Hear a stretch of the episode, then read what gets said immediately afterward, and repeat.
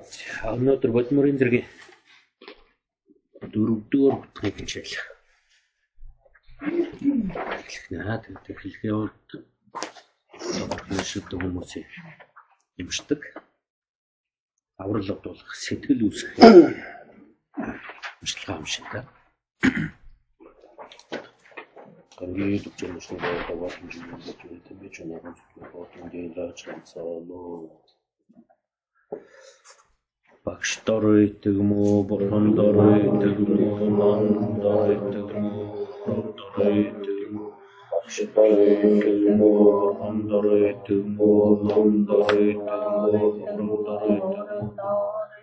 багш дор үйдэг юм уу бурхан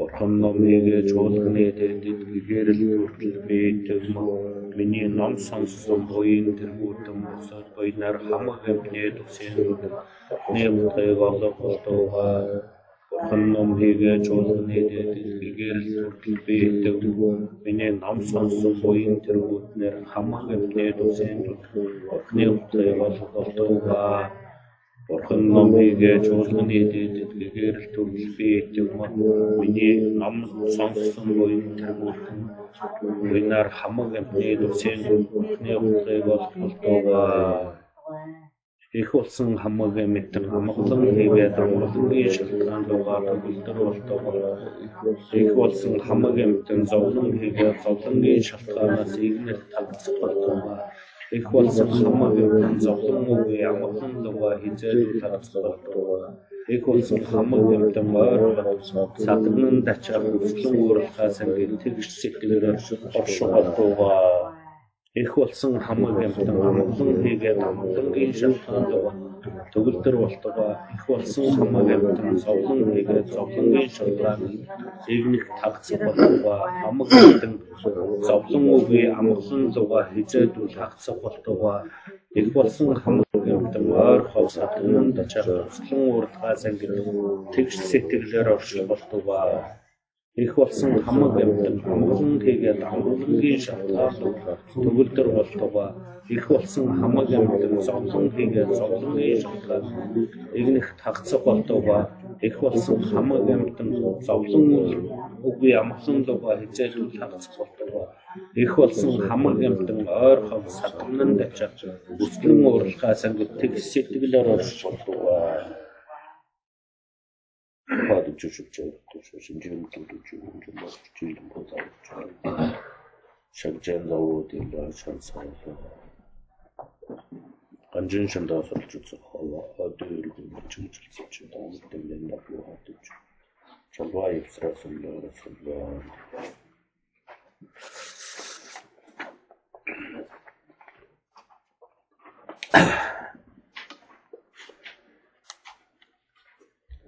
자, Бодмөрийн зэрэг буюу одоо гэгэрэл төрхийн зам гэдэг энэ номыг эхлээд одоо дөрөвдүгээр удаагийн хичээл болж байгаа. Тэгэхээр энэний урт талын одоо гурван хичээлд одоо ямар зүйлүүдийг ярьсан бэ? Ер нь бодмөрийн зэрэг гэдэг нь одоо юуны тухайд ном бай гэдэг ингээд товчхон шиг нэг тэгээд яриа. Тэгэхээр энэ бодмөрийн зэрэг буюу энэ гэгэрэл төрхийн зам мөр гэдэг энэ ном бол одоо хөв бодгалыг бурхан болохын арга зам мөрийг чиглүүлэн заах одоо аргын ийм ном байна. Тэгэхээр энэ бодмөрийн зэрэг гэдэг энэ номыг эхнээсээ ахуулаад одоо гүйцэтгэл нь одоо үзээ судалчих юм бол бурханы шашин гэж юу юу хэлж байгаа юм? Тэр бурхан болох арга зам мөр нь одоо ямар байдаг юм? Ямар одоо арга замлаар ямар бяцлаглаар одоо тэр бурхан гэдэг одоо тэр хөгтгөн төрч чадахгүй гэдэг энийг бүрэн гүйцээр нь одоо дутуу зүйлгүйгээр бүрэн гүйцээр гаргасан энэ номыг одоо энэ бодмөрийн зэрэг гэдэг энэ ном гэж одоо нэрлэнэ. Тэгэхээр энэ дотор бол одоо үзэл судлах болоо сэтгэл таних тэр сэтгэлийг дадуулах буюу тэр бяцлал хийх бүх аргачлалууд нь бүгд энэ номон дотор орсон байна. Тэгэхээр бид одоо бурхны шашинтан буюу бурхны шашныг үзэж судалж байгаа ийм хүмүүс. Тэгэхээр бурхан гэгэн ер нь тэр бурхан болохын арга зам мөрийг одоо хэрхэн одоо яаж суралцах вэ гэдгийг номлосон 108 бот одоо ганжуурын судар буюу бурхан багшийн зарлагын цомрлог гэдэг байгаа. Тэгэхээр тэрэн дотроос одоо цагийн бидэнд ойлгоход илүү төхөмтэй аргачлалуудыг эмэгтгэн гаргаж нэгтгэн жигдрүүлсэн ном бол энэ бодмөрийн зэрэг юм аа. Тэгэхээр энэ бодмөрийн зэрэг гэдэг энэ номыг Богцонховын гэгэн одоо лам айлтсан энэ ном. Тэгэхдээ бодмөрийн зэрэг гэдэг энэ номыг одоо айлтсан дэр Богцонховын гэгэн гэдэг лам энэ номоо бичихтэй Жовжи Балдан Адшаа гэдэг одоо ламын бодмөрийн зул гэдэг номон дээрээс тулгуурлагдаад тэр бодмөрийн зул гэдэг номыг дэлгэрүүлэн альцсан юм аа. Тэгэхээр одоо энэ бодмөрийн зэр гэдэг нь номыг одоо бүх зохиомжийг айлтгахдаа юу ч хэлсэн бэ гэхээр би бол энэ бодмөрийн зэрэг гэдэг энэ номыг бодмөрийн зул буюу тэр ламрын одоо бодмөрийн зул гэдэг энэ номноос одоо санаа аваад тэгээд одоо тэрнийг дэлгэрүүлж бичсэн учраас бодмөрийн зулын зохиогч нь одоо энэ бодмөрийн зэргийн цохиогч нь мөн юм шүү гэдэг ингээд альцсан. Тэгэхээр энэний хамгийн одоо эхэнд нь бол энэ одоо бодмөрийн зэрэг гэдэг энэ номыг ямар хүн альцсан байх вэ? Ямар эрдэм чадaltaй байж гэж одоо энэ бодмөрийн зэрэг гэдэг номыг айлтдаг юм бэ гэдэг үднээсээ тэр тухайн номныхаа цохиогчин эрдмийг хамгийн ихэнд одоо гарan үзүүлсэн. Тэгэхээр тэр бол одоо энэ Жорж Балдан гэдэг номын одоо намтар одоо хэрхэн яаж суралцсан болоод судрын ясанд одоо хэрхэн суралцсан тарны арга зам мөрд хэрхэн яаж суралцсан одоо суралцж зүйлээд одоо амтны тусыг хэрхэн яаж үйлдсэн бэ гэдэг энэ арга замлуудыг товч байдлаар гаргасан байна. Тэгэхээр энэ бол одоо энэ тухайн энэ ном нь одоо ямар хүн зохиож иж одоо эрдэм чадaltaй ном байж чадах вэ гэдэг энийг одоо гарган үзүүлсэн ийм хэсгийг хамгийн анхнд нь бол одоо гаргасан юм аа. Тэгэхээр энэний эхний хэсэгт бол одоо бодмөрийн зэргийн одоо одоо сурвалж нь бол бодмөрийн зул гэдэг ном юм. Тэгэхээр бодмөрийн зулын одоо зохиосон тэр одоо ламын намтрыг одоо дэлгэр одоо энэ товч байдлаар одоо гаргая гэд.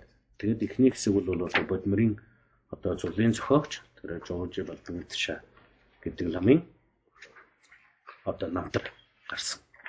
Тэгэхээр одоо ийм одоо эрдэмтэй ингэж одоо хичээнгүй байдлаар бурхан болохын арга замурд суралцаад суралцсан одоо мэдсэн тэр ухамсараараа ямар номыг зохиосон юм бэ гэдэг нь тухай одоо дараагийн бүлэгт нь гаргасан. Тэр нь бол одоо номын эрдмийг одоо гаргасан юм ном байна. Тэгэхээр тэр одоо номын эрдмийг одоо гарсан тэндээ тэрнийг бол дөрвөн хэсгээр одоо номлосон. Тэгэхээр дөрвөн хэсгээр номлоно гэдэг нь бол хамгийн ихэнд бол энэ номыг одоо энэ ном нь бол энэ одоо бодмөрийн зэрэг гэдэг энэ ном нь одоо ямар эрдэмтэй юм бэ гэдгийг гаргахын тулд дөрвөн зэрэгээр одоо гаргасан байна. Тэгэхээр дөрвөн зэрэгээр гаргана гэдэг нь хамгийн анхнд бол энэ номыг одоо үзэж судалснараа энэ ном нь өөрөө одоо шашин бүгдийг харшуулгүй онохын эрдэмтэй юм шашин бүгдийг харшуулгүй онно гэдэг нь бол содрын ёс, тарны ёс их баг хөлн дэргүүдээ ингээд хуваарлж ангилаад энийн дээр, энийн доор гэдэг энэ баримтлуудаас хагацхыг нэрлэж байгаа. Тэгэхээр бид бол одоо зарим нь бол их хөлгөнтөн гэдэг, зарим нь бага хөлгөнтөн гэдэг ингээд ялгадаг. Зарим нь бол одоо судрын ёс, тарны ёс гэдэг ингээд ангилдаг. Тэгэхээр энэ бол тийм биш юм аа. Бурхан багшийн альцсан одоо 84 мянган номын цогцолвол бодгол бүхний бурхан болохын арга замыг одоо заан чиглүүлсэн судар юм. Тэгэхээр энэ нэрнээсээ илүү юм а гэж ингэж одоо хэлэх аргагүй. Бүх одоо энэ номлуудын одоо уг их нь одоо бурхан багшийн зарлиг дээр харгалцсан. Тэгэхээр бурхан багшийн зарлиг болгон хөв бодголыг одоо хэрхэн гэгэрэлд хүрэх вэ гэдэг энэ арга замыг л номлосон байдаг учраас энд бол одоо дээр дээр ялгаагүй юм. Тэгэхээр тухайн тэр үзэж судлах гэж байгаа тэр номонд одоо сүжиг төрөх нь л одоо хамгийн чухал болохоос биш одоо дээр дор гэж ингэж ялах юм бол аль нэг ч байсан одоо эрдэмт одоо хөрөхгүй. Тийм учраас эдгээрүүд бол бүгд одоо утга бол одоо адил юм аа. Бурхан болгон арга замрыг л одоо гаргасан ийм одоо номлол юм а гэдгийг одоо ихэнд гаргасан учраас тэр бол одоо шашин бүгдийг одоо номлол бүхэндээ одоо зөрчилдөлгүй ухааруулах суу бүлэг гэдэг ингээ гаргасан нэгдүгээр хэсэг. Хоёрдугаар хэсэг бол одоо эрхэм зэрлэгийг улс дургуулах эрдэмтэй одоо ийм ном юм а гэдэг. Дээр эрхэм зэрлэг бүхэлд нь гарын авлага болох одоо суу бүлэг. Тэгэхээр одоо зарим нь энэ нь бол одоо сэтгэл судалгааны ном юм. Энэ нь бол одоо номлол хэлцээний ном буюу одоо одоо хоорондын мэтгэлцээний ном юм. Зарим нь бол одоо үзэл судалдаг ном юм. Зарим нь бол э, одоо бясалгал хийдэг ном юм гэдэг ингээд англиад байгаа ингэлгүйгээр энийхээ огт нь одоо одоо тултал нь үзэл судлаад одоо эрдэн болгож чадах юм бол энэ нь бол одоо бурхан болохын арга зам мөр одоо муу юм шүү гэдэг ингэж одоо үзэх За гуравт нь гэх юм бол одоо бурхны тааллыг амар хэлбэр одоо олох эрдэмтэй юм а гэдэг. Тэгэхээр энэ номыг үзэж судалснараа бурхан болохын арга зам зоригдож чаддаг учраас тэр сэтгэл бурхан болно гэдэг нь одоо одоо туйлын амар амгаланд сэтгэл хэлбэрлэлтгүйгээр орших эрдэм бүгдийг олох гин бүгдийг одоо тасалсан ухамсарыг л одоо бурхан болж одоо гэгэрэлт хүрэх гэж. Тэгэхээр тэр одоо гэгэрэлт төрсэн арга замаа бусдад заад сурахын тухайд бурхан болох юм бол тэр бол төгс туулж хийгэрсэн бурхан болно. Тэгэхээр одоо энэ номыг үзэж судалснараа бид одоо бурхны тааллыг одоо амар хэлбэр болохгүй юу одоо бурхан болохын арга замурд одоо зоригдож чадах юм аа. За дөрөвдөх нь бол одоо гимтүүлээс одоо өөр аянд холдохын одоо эрдэмтэй юм аа гэдэг. Тэгэд энэ номыг үзээд судалчих юм бол одоо юмс үзэгдлийн мөн чанарыг одоо мэдхээс гадна одоо энэ нь хилэнцгийн үйл болно. Энэ нь одоо буйны зөргөдлийн үйл болно гэдгийг одоо мэдэж чаддаг учраас одоо гимт үйлээс сэтгэлийг өөрөө буцаах одоо эрдэмтэй байх юм аа. Тэгээд энэ одоо дөрвөн бэлэг одоо чанар бүрдсэн энэ номыг номлосон одоо тэр одоо номын эрдэм болоод энэ номыг одоо альцсан зохиогчийн эрдэм Гэт энэ хоёр одоо бүлгийг урд гаргасан байна. Тэгэхээр өнөөдөр бол хоёр эрдэм бүрдсэн одоо номонд номлох болоод сонсхийг ямар мэт үлдэхээ ёс гэдэг энэ бүлэг эхэлж байна. Тэгэхээр энэ одоо хоёр эрдэм бүрдсэн гэдэг нь болохоор одоо зохиогчийн эрдэм бүрдсэн болоод номын эрдэм бүрдсэн гэсэн энэ хоёр утгыг одоо хоёр эрдэм бүрдсэн ийм номлол байна гэдэг. Тэгэхээр тэр номыг одоо сонсоход яаж сонсох вэ? Номлоход яаж одоо номлох вэ гэдэг энийг одоо үзүүлэхэд гурав байна. Тэгэхээр тэр гурав нь одоо юу хэлж байгаа юм бэ гэх юм бол анхдугаар одоо сонсох ёс ямар байх вэ? Хоёрт нь бол одоо тэр одоо номыг номлооч нь одоо номлохын тулд одоо одоо яаж хэрхэн яаж номлох вэ? Сүүлд одоо нийтэд одоо яаж үлдэх вэ гэдэг ингээд ийм одоо гурван хэсэг бүлгээс бүрдэх нь За тэгээд э, тэрний анх дугаарт нь одоо ном сонсохын одоо номыг одоо хэрхэн яаж сонсох вэ гэдэг энэ утга гарах нь. Тэгэхээр одоо энэ нь бол нэгдүгээрт одоо номыг номлохын тус эрдмийг санах, ном хийгээд номыг өгүүлэгчдэд хүндлүүлүүлдэг. Тэгээд сонсох ёс одоо бодтойгоор сонсох гэсэн энэ одоо гурван хэсгээс бүртгэх нэ гэдэг. За тэгээд сонсох нь Сомрлог гэдэг номноос одоо сонсноор номуудыг одоо номыг мэднэ, сонсноор хилэнцээс буцна, сонсноор одоо утгыг ч одоо эс мэдснийг таньна, сонсноор одоо муу зайны одоо зовлонгоос гэтлнэ гэдэг. За энэ дээр одоо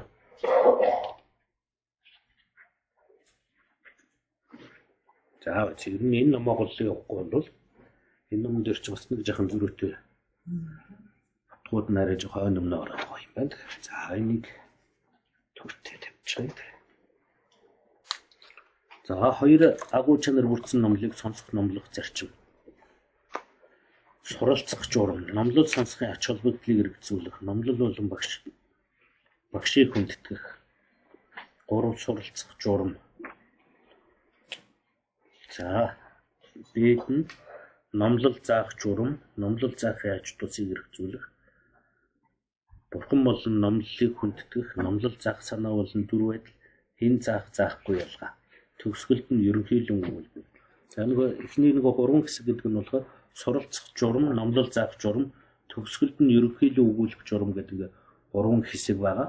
Гурван хэсгийн анханд нь бол тэр одоо номыг сонсох буюу одоо тэр суралцах журам. Тэгээд тэр нь одоо суралцах журмын анханд нь номлол сонсохын ач холбогдлыг хэрэгжүүлэх, номлол болон багшийг хүндэтгэх, 3 дугаар одоо сонсох ёс бодтой гэдэг. За тэгээ номлол сонсохын ач холбогдлыг хэрэгжүүлэх гэдэг.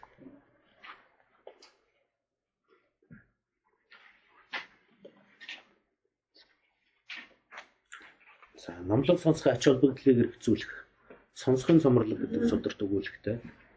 Дуулж мэдвэл ахуй эсийг танина, дуулж мэдвэл алив нүглээс сална, дуулж мэдвэл ашиггүй үйлийг төвчин, дуулж мэдвэл харилсан нирван төрнө.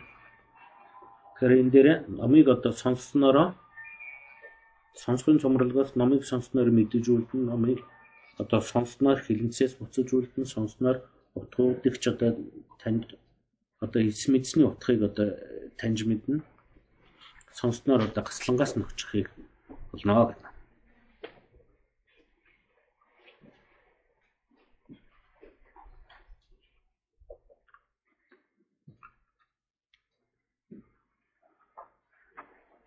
За өрхийг бүтээсэн харанхуй гэрт өмнө тавьсан өнгөт тэрднийг харахнууд байлаа ч гэсэн хаанаас үзэж чадах вүлээ. Саруул ухаан эрүүл бий сайхан завшаанд олдсон байлаа. Сануул дуулсан сургаалгүй сайн муу ялгахгүй зовлонтой. Өрх татхад гэр гэрэлтэж өмнөх эрдэнэс нүдэн тодорх шиг сонсод дуусны ид эрдэм цохор эрдэнэс хараа оруулнаа. За түнчлэн төрөл дамжсан задаг гэдэг судар. Дуурч мэтгэл сүсэг төрн дутуугаа нөхөх урам төрн тоол торвогийн мунхагаас сална тохоо биеч гэгэрлэл солино. Мэдд дуусны гэрэлт бамбрыг мэгтэн гохтнуудж булааж чадахгүй Минийвч шүлэнгдэх хорвоогийн хилэнцэг мэдүүлж чамайг аврах нь л үнэ. Буянг шиг дундрахын цагт ч бууруулж буруулж яруухгүй сайн янаг далдын өвчнийг дарах мөртлөө дарвигнах гашуунгүй гайхамшиг тийм ээ. Суутгийгээти нүдэн дүртөж суугаа хуургуудаас ч тодорч харагдана. Эхэс дээдсийн таалал дүртэж игнэгт сайжуудаас ялгарч танигдана. Тэгэд мөн зуулж мэдсэн хойны хэргийг гаргуул дундуур төрлийн хэлхэнээс ингэж гихчлэнгээр одоо энэ одоо дээдс мэрэгтэй номлолт одоо намлсныг иш татсан байна. Тиймээ суралцсан ач холбогдол чин сэтгэлээсээ итгэх хэрэгтэй гэдэг. За түүнчлэн бодисдвогийн төвшөнд доор дурдсан таван санаагаар сонсгын ач холбогдлыг илэрхийлжээ. Будда мэдлэг нь өдрийн од шиг ховор түүний номлолч одоо ховор учраа эрдэнэ гэж бодох нэг. За ер нь бол одоо энэ номыг одоо сонсохын тухайд одоо эднэр бол одоо энэ саяны шүлэг байлаа гэхэд одоо өрхийн бүтээгээд харанхуй тавих гэрт байлаа гэхэд бидний хараа хичнээн хурц байлаа гэд өмнөх зүйлийг одоо одоо хэлбэр дүрсийг таньж чаддгүй. Тэрнтэй адилхан бидэнд одоо хичнээн хурц ухаан байлаа гэд одоо уншиж мэдэж сонсохгүй байх юм бол утгагүй юмнуудыг юмс үзэгдлийн утгыг танихгүй. Тэгэхээр сонсоод мэдчих юм бол одоо харанхуй гэр өрхийг татсан юм шиг гээгээ гараад ирэхтэй газар дотруугаа зүйлүүдийг ч гэсэн уян юм бэ тэр нь тийм байна нэг аяг байна нэг налбаг байна гэдэг ялгац салгаад мэддэхтэй адилхан номыг сонсоод мэдэх юм бол тэрний утгыг таньчих юм бол ертөнцийн зүйл тогтлоо одоо мөнхөрсөн энэ сэтгэлийн тэр мохогийн харанхуй арилаад ертөнцийн зүйл тогтол үзэгдэл юмсыг мөн чанараар нь одоо танин мэдэж чаднаа. Тэгэхээр тэрний эрдэм хаанаас төрдөг вэ гэх юм бол номыг сонсож мэдснээр л төрөх юм аа. Тэгэхээр энэ бодисдогийн төвшин гэдэг энэ сударт өгүүлэхтэй ном сонсохын ачаал одоо тус эрдмийг таван одоо зүйлээр бодох нь хэрэгтэй юм аа гэдэг юм болсон. Тэгэхээр тэр нь одоо юу хэлж байгаа юм гэхээр бурхан одоо мэдлэх нь одоо туйлын ховор юм аа. Ягаад тэгэхээр одоо манай энэ галав тогтсноос хойш бол одоо мянган бурхан дараалан залрах энэ ертөнц бол манай энэ ертөнц. Тэгэхээр одоогоор бол зарим нь бол одоо дөрөвч гэж үздэг, зарим нь бол одоо долооч гэж одоо үздэг.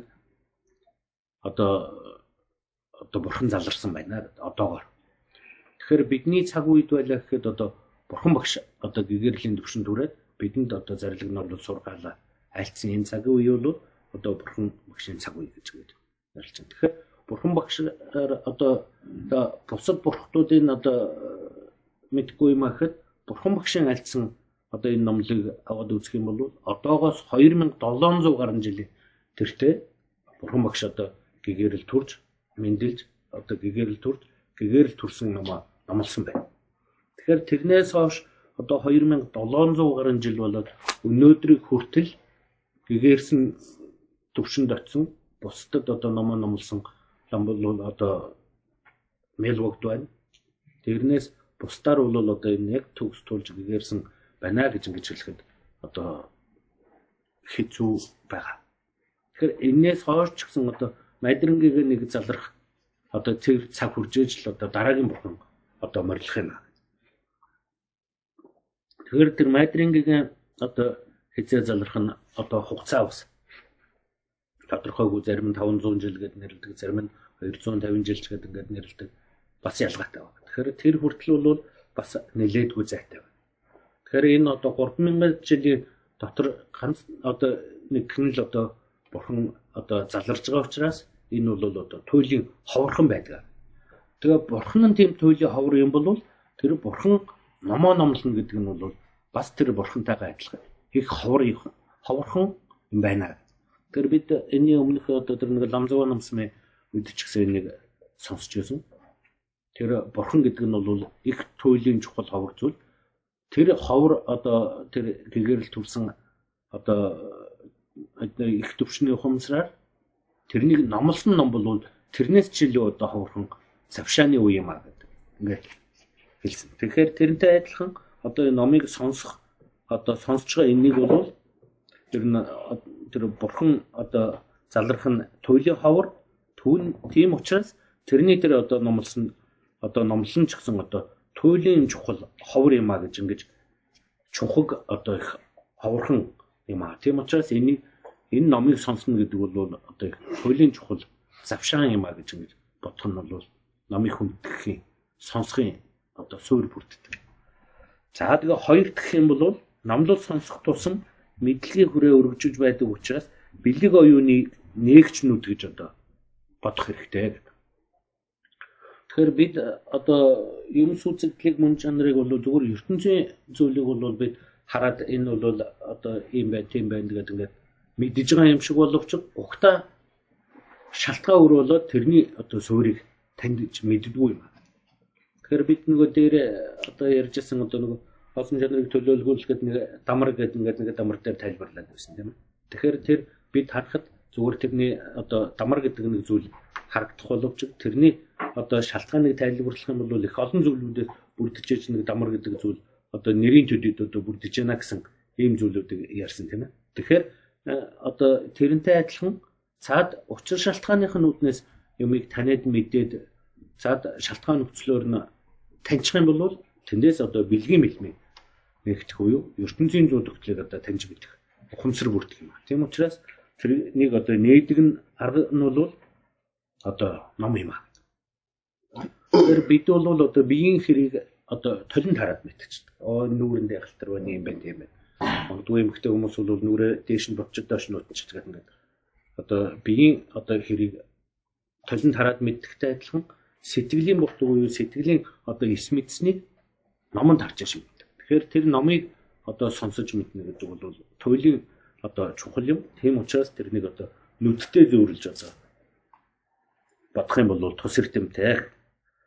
За тэгээд 3 дахь юм бол бэлэг оюуны мэлми гэж бодит ахуй гэдэг юмс үзэгдлийн мөн чанарыг ухаардаг тул гэгээ гэж бодох. Одоо нэг төрөнийхтэй адилхан одоо нэг өрхийн бүтээсэн гэрт байлаа гэхэд одоо тас аргуу гэрт байлаа гэхэд бид юмс үзэгдлийн мөн чанарыг одоо таньж чаддгүйтэй адилхан сонсож мэдэж номыг таньснаар ертөнцийн зүй тогтолд одоо ухамсарын одоо гэгээ гардаг учраас юмс үзэгдлийг одоо таньж мэдэх одоо гэгээ гэж бодох нь хэрэгтэй юм аа. Тэгэхээр ертөнцийн одоо зүй тогтлыг танин мэднэ гэдэг нь болохоор янгуух үнэмлэхүү үнэн болоод янгуух үннийг одоо таних мэдэх юм бол ертөнцийн зүй тогтолд одоо гэгээ гарлаа гэж ингэж үздэг. Тэгэхээр эдгээрүүд бол хойш дэлгэр тайлбарлагдана. Тэгэхээр одоо бид бурханд тахилд зол өргөдөг. Тэгэхээр тэр зол өргөж байгаагийн одоо шалтгаан юу гэдэг вэ гэхээр Монхогийн харанхуг одоо арилахын гэгээ бэлэгдлэр бурхан зол өргөдөг. Тэр уншлаган дээр ч гэсэн тийм байна. Одоо энэ одоо тосон далаа уйлгалсны төвд одоо зулын голыг машид удраагаад машид одоо англи үнээр тос үнийг хайлмлаад энийг одоо бурханд өгөрхснөөр одоо харанхуг гэгээ одоо гээгүүлээд одоо харанхуг одоо гэрэл гээгүүлээд харанхуг үргээдэгтэй адилхан миний ухамсарын одоо мухагийн харанхуй арилаад бэлгийн гэгээ гих болтгоо гэсэн энэ зөрөглийн сэтгэлээр бурхан зүлрэг.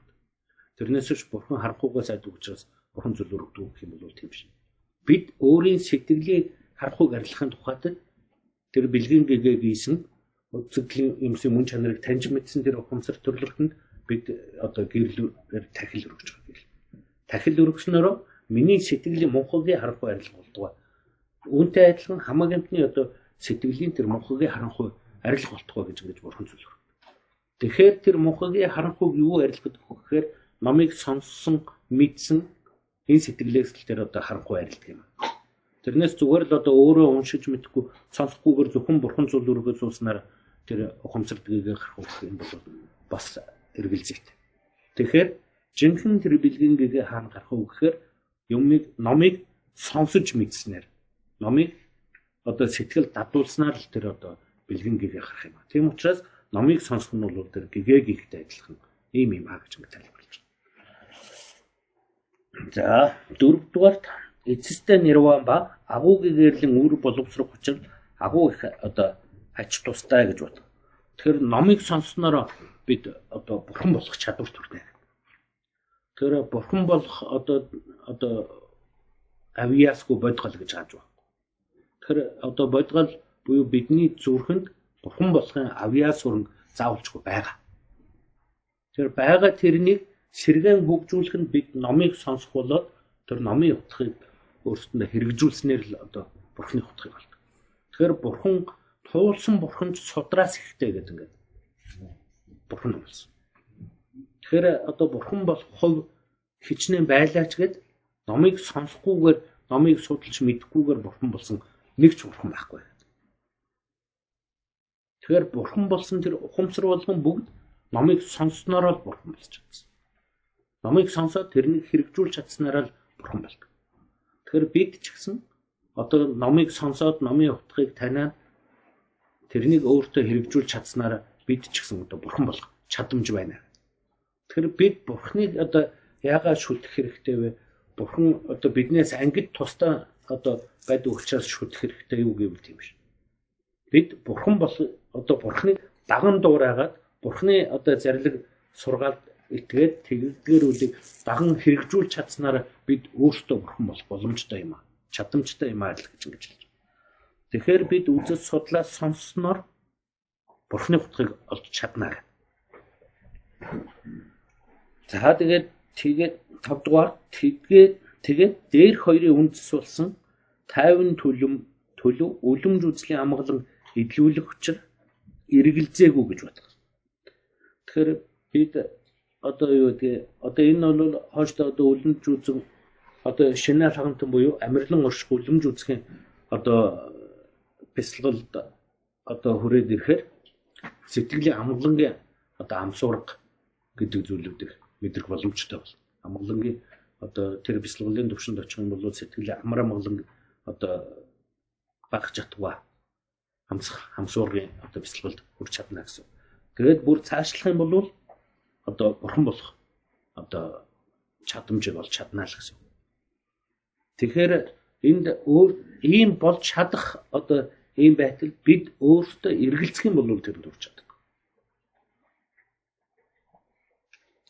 Тэгэхээр эргэлзэхгүй байхын үүднээс тэр бяцлаглалын төвшний урд бид нэр одоо энэ номын утга эдгэрүүдийг тайлбарлаад энэ ном нь ер нь ямар эрдэмтэй ном юм гэдэг ингээд тайлбарлаад байгаа учраас тэр сэтгэлийн эргэлзээг хэрэглэхин тулд эдгээр тайлбаруудыг урд нь заавалжгүй явах хэрэгтэй болдог. Тэгэхгүйгээр зүгээр одоо шууд бяцлаглал руу оруулаад ингэх юм бол тэр үр дүнд сайн хүрэхгүй.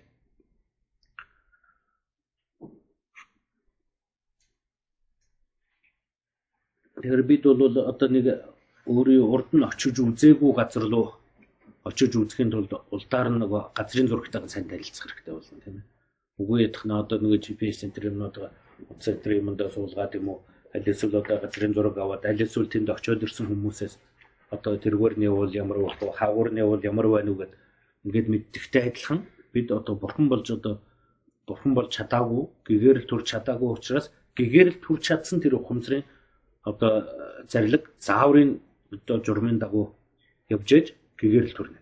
Тэгэхээр тэрэндээ эргэлзэх юм бол бид тэр төвшөнд очиж чадахгүй л гэсэн.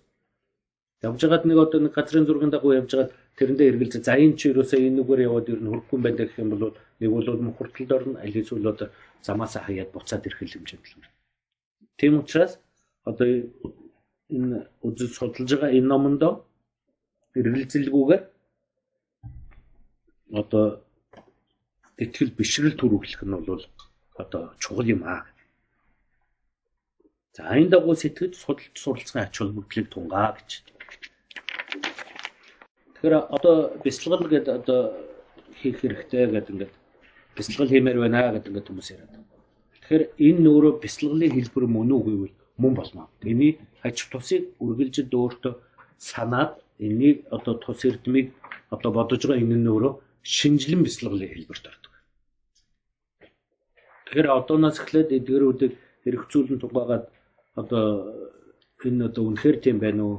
Ямар байна вэ гэдгийг өөртөө эргцүүлэн тугааж байгаа энэ хэлбэр нөөрэө шинжлэн бяцлаглалын хэлбэр рүү орж байгаа юм.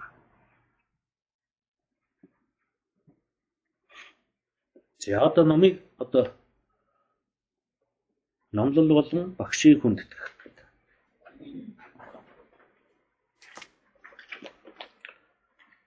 Шүгнэн өгдөг шүү дээ. Таны номер шиг урж өгөх.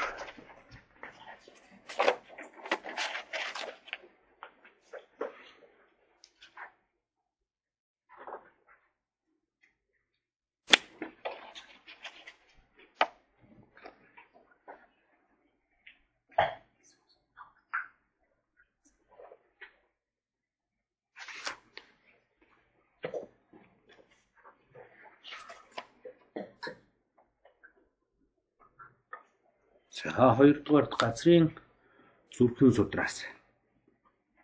Мөн.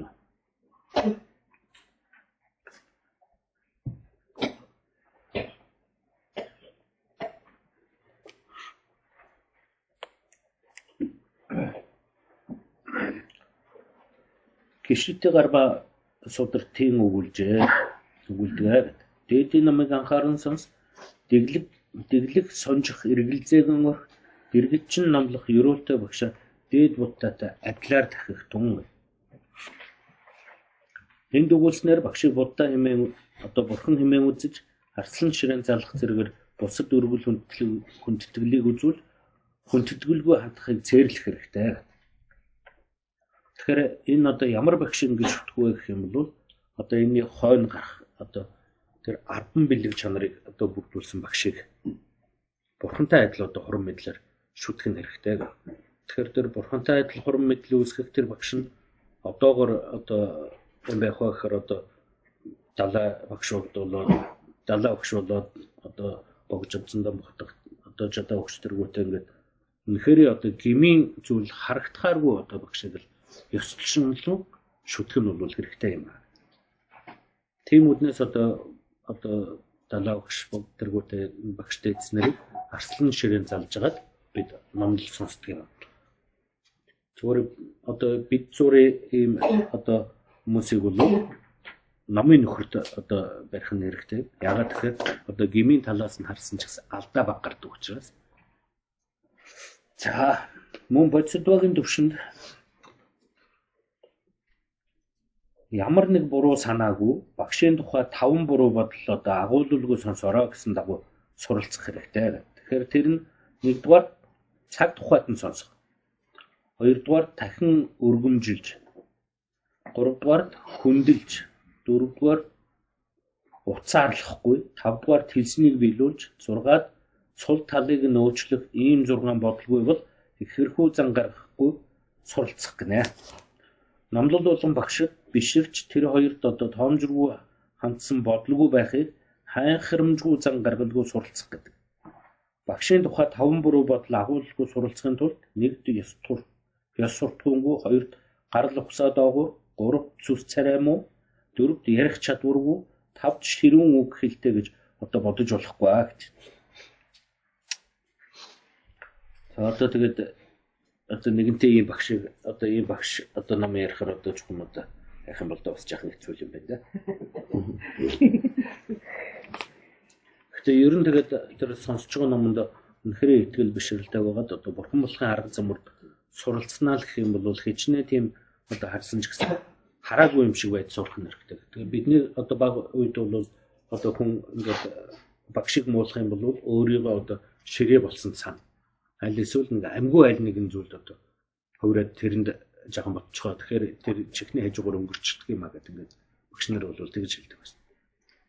Тэгэхээр одоо үнэхээр одоо зүгээр нэг тийм одоо хүнийг бол бас жаахан хэцүү юм байна. Тэгэхээр тийм учраас одоо голлон шүтэх одоо багшд бол тэр далаа өгч богд багш тэргүүтэй энэ одоо дээдсүүдийг барих нь хэрэгтэй баха.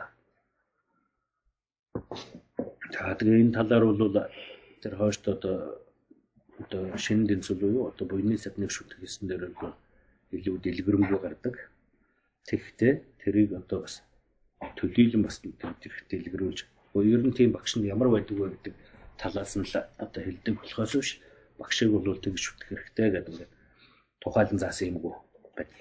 Тэгэхээр дээр үед нэг урдны нэг одоо багш шавнартай их олон номнуудыг номлодог боловч ганцхан дээр одоо шинэн дэвсэлүүд төр багшийг шүтэх хэсэг ердөө цогт номлодог нэг тийм зам байд. Тэгээ шавнар нь одоо одоо багшаа бидэнд одоо одоо тэр шинэн дэвсэлүүд багшийг шүтэх хэсгийн номыг тайлбарлаж өгөөч гэдэг. Одоо намайг хүндэл гэж одоо хэлэлтэй биш тэ гэж ингэж хэлж байсан. Тэгэхээр тэр бол одоо тэрүүгээрээ л одоо шинэ дэвслийг буюу одоо тэр буйны садныг шүтгийг тайлбарлсан юм а гэсэн нэг юм яриа байдаг. Гэхдээ одоо тэгж үнэхээр одоо энэ дэлхүү гаргахааргүй гмийн зүйл харагдахааргүй багшийг ёсчлон шүтгэн чухалтай юм а гэдгийг л номлож байна. Адаг хавцад 10 хүн сууж мөн төрөл тулсан садигт адаг хавцад 10 хүн сууж айр цангийн дүлгөөнийг сахид ашид баясгаланд харцыг цовцлоод аршаан хүртэг шиг номыг сонсоо. Үлэм сүжиглэх юм өнөөхөө сэтгэлээр үүсдэл танигдах бишрлийг үүсгэн өглөөс гитлэх им хүртэг шиг үүмэрсэн сэтгэлээ төвлөрүүлэн үнэн сүсгээр номыг сонсоо хэмээс юм байна гэж. Тэгээд энэ одоо багшийг шүтэх гэдэг номлол болон багшийг хүндэтэх гэдэг энэ дээр бол одоо тэр багшийг шүтгэсэн дээр бол дэлгэрэнгүй гарна зүгээр одоо ном номлолыг хүндэтгэх гэдэг үүднээс нь одоо хэлэхэд туулсан бурханд судраас ихтэй гэж дөрөв хэлсэн тийм ээ. Тэгэхээр судар одоо бурхан хоёрын аль нь ах вэ гэх юм бол судрыг илүү хүндэтгэх нэ гэдэг. Ягаад тэгэхээр бурхан болж гэгэрэл төрнө гэдэг нь бол одоо судрыг үзэж сонсох. Тэндээс л одоо гэгэрэл төрөх арга замууд гардаг учраас судрыг бурханаас илүү хүндэтгэх. Тэгэхээр одоо судар бурхан хоёрыг давхарлаа тавих одоо хэрэгтэй байлаа гэхэд судрын бурхны дээр залдаг. Тэгэхээр тэр одоо бурхны дээр залгах хэмжээнд байгаа тэр судрыг бид хүндэтгэх хэрэгтэй болно. Ягаад тэгэхээр бид энийг үзэж судалж тэр бурхан болж одоо гэгэрэл төр төвшөнд хүрэхин тулд бид энэ судрыг үзэж судалж тэндээс одоо гэгэрэл төр арга замдаа хүрэх учраас гэгэрэлт хүрэх гэж байгаа тэр арга замаа бид хүндтгэжээж тэр одоо гэгэрэл төвшөнд хүрнэ. Тэгээд бурхан багшийн үед одоо бурханы одоо тэр зарлиг сургаалыг одоо бичигт буулгаагүй. Сүүлд одоо бурхан багшийн шавнар иргэд цуглар одоо 3 удаагийн чуулганаар нэгдэж хагаад бурханы зарлиг сургаалыг одоо бичигт болгосон. Хуучин цагийн одоо одоо ламнар бол нэг бичгийн тасархай байсан чинь нэг хоёр одоо үсэгтэй ном байсан ч одоо нэг шүлгээс дээш одоо ном хэлснийг одоо багшд барина. Тэгээд нэг хоёр үсгийн тасархай байсан ч гэсэн айдас авч байгаад галдаа өгдөг байсан. Тэгэхээр тэр бол тэрний хөндлөж байгааг хэлбэр. Тэгэхээр бид бол одоо суух усхтой өөрөө одоо сандал дээр сууж байгаа номоо шалан дээр тавьж байгаа юм уу? Өөрөө албан дээр сууж байгаа номоо шалан дээр тавьж байгаа юм үзүүлбэрүүд байна. Тэгээд дээрэс нь одоо номоо тавьж байгаа тэрэн дээр бүр алхаад байгаа зүйлүүд байна. Тэгэхээр энэ бол нөгөө номондоо жоохон хүндэтгэлгүй хандаад байгаа хэлбэр. Тэгэхээр бурхнаас илүү хүндэтгэлтэй байгаа тэр судрыг бид бурхнаас илүү хүндэтгэх хэрэгтэй. Тэгэхээр бид бол бурхныг даган дуурайж одоо бурхан болох арга зам урд суралцж байгаа. Тэгэхээр бурхныг даган дуурайх тэр зүйл нь хаана байгаа вэ гэхээр судар дотор ч юм гэж байна.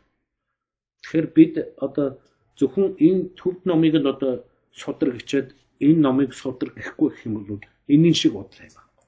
Зүгээр одоо хэллэг нь өөр хэллэг дээр одоо нэг нь бол дуудлага нь өөр нөгөөх нь одоо монгол авиагаар дуудаж байгаа нөгөөх нь одоо төвд авиагаар дуудаж байгаа ийм л ялгаа болохоос биш ухтаа гарч байгаа утх нь бол адил.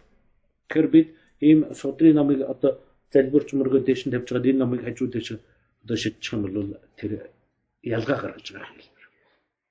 Тэгэхээр тэр үднээсээ одоо бид үзэл судалж байгаа энэ номонд хүндэтгэлтэй хандах нь бол ёс зүйг тогтоож байгаагийн нэг хэлбэр.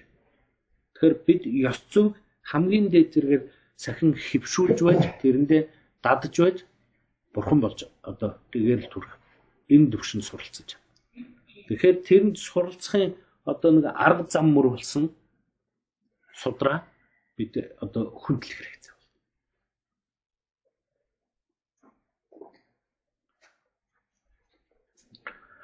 За тэгээд номлол болон багшийг хүндэтгэх гэдэг дээр одоо тэр одоо номыг хүндэтгэх одоо хэрэгтэй гэдэг. Тэгэхээр бид бол одоо хуучин цагийн хүмүүс бол тэр номон дээр сараач хэрэж номыг дор тавих гэдгээрүүдийг бол яалаа гэд гаргадаг.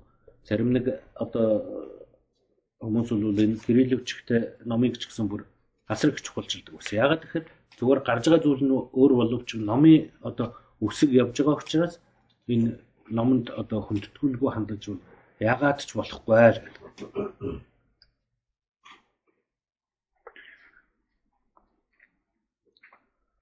За тэгэхээр одоо энэ хүндэтгэлтэй хандах хэрэгтэй байгаа энэ номоо бид одоо яаж суралцах вэ? Одоо хэрхэн яаж сонсох вэ гэх юм бол энийг дотор нь одоо хоёр хэсгээр одоо гаргана. Нэг нь бол одоо цээрлэх буюу одоо засах нөгөөх нь бол өөрт одоо одоо хөгжүүлэх, төлөвшүүлэх, дадлал болох гэсэн одоо ийм одоо хоёр хэсгээс одоо гарна. Тэгэхээр тэрний анхдугаарт нь бол одоо савны гурван гмийг төвчих энэ зүйл гарна. Тэгэхээр энэ дээр шавийн гурван алдааг зэвлэг. Тэгэхээр энэ гурван алдаа нь юу байдаг вэ гэхээр тэр нэг савны гурван гим гэж ингэж нэрлээд байдаг. Тэгэхээр энд бол хамгийн нэгдүгээр төмөрсөн сав. Тэгээд хоёрт нь бол дээшээ харсан ч бохир сав. Гуравт нь гэх юм бол бохирдоогүйч ёроолн цоорхой энэ одоо гурван гимиг твчээд номыг сонсох хэрэгтэй.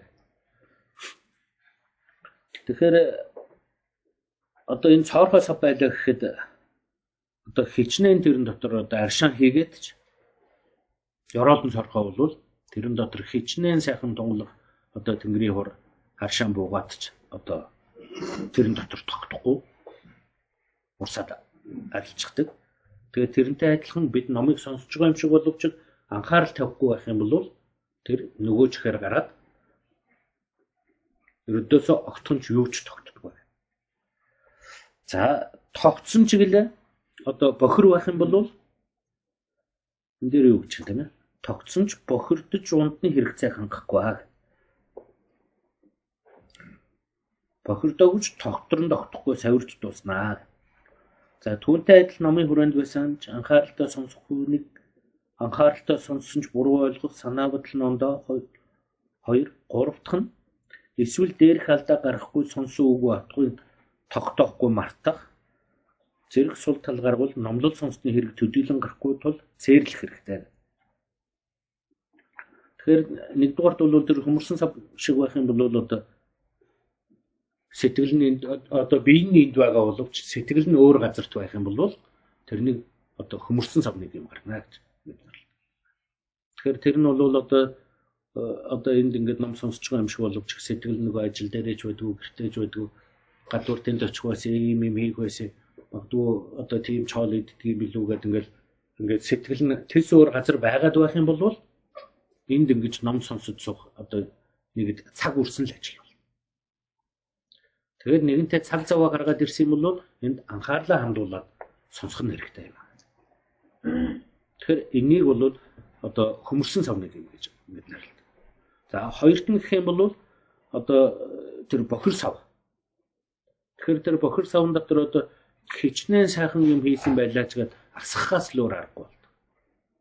Тэгэхээр тэр нь бол юу хэлж байгаа гэхээр зүгээр одоо анхаарад ингээд сонсож байгаа юм шиг боловч завсар дундуур нь одоо элдв зүйлийг бодох болоод өөр мэдлүүтэй одоо холилдуулах зүйлүүдийг нэрлэж байгаа. Тэгэхээр одоо энд бол нэн ялангуяа нөгөө цэгцгүй мэдлэг одоо энэ тэндээ сонссон одоо элдв янзын зүйлүүд сонссонтойгоо хольж хутгаж бодох тэргүүтнийг оруулдаг. Тэр тэр цэгцгүй мэдлэг гэдэг бол хамгийн одоо хөнөөлтөй байдаг. Тийм учраас тэр одоо цэгцтэй мэдлэлтэй болохын тулд анхан одоо шатнаас нь суралцж байгаа энэ бол хэрэгтэй юм. Тэгэхээр тэр тэрнийг бол одоо тэр бохир савны одоо гимгээд одоо сонсоод тэрнийг анхаарж байгаа боловч илүү одоо зүйлээр одоо тэр бодол холилдож хутгалдах тэрнийг анхаарахгүй байх юм бол дараад нь яг хэрэгжүүлэх төр тулаад ирэхээр нөгөөх нь зарим нь байгаа зарим нь багхгүй болчих юм. За гурав дахь нь бол анхааралтай сонсоод одоо хичнээн одоо сэтгэлээ тавиад анхааралтай сонссон ч гэсэн тэр дор нь одоо мартаад өнгөрөөчих юм бол цоорхой сав нэг юм гарч байгаа юм аа гэж байна. Тэгэхээр энэ гурвыг гаргалгүйгээр аль болох анхаарлаа хандуулад сэтгэлээ тавиад номыг сонсоорой л гэж байна. Тэгэхээр энэ гурвыг төвчих нь бол тэр одоо савны гурван гимиг одоо төвчихнэ.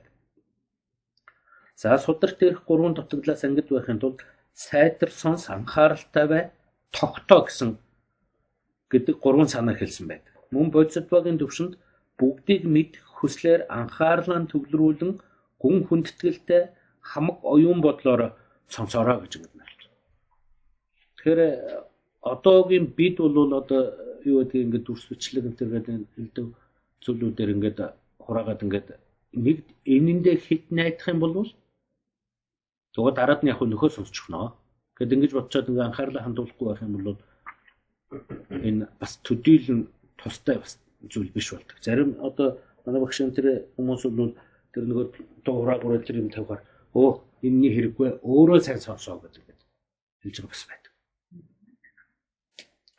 Тэгэхээр дээр үед бол бурхан багшийн үед бол одоо сонсоод тэр одоо тэр нь одоо бүр бичигдэж буулгаагүй ийм эргүүлэн сонсох чинь боломжгүй байсан учраас тэрнийг сонсоод тэрнийг одоо тэр дор дор цээжлээд авчихдаг байсан.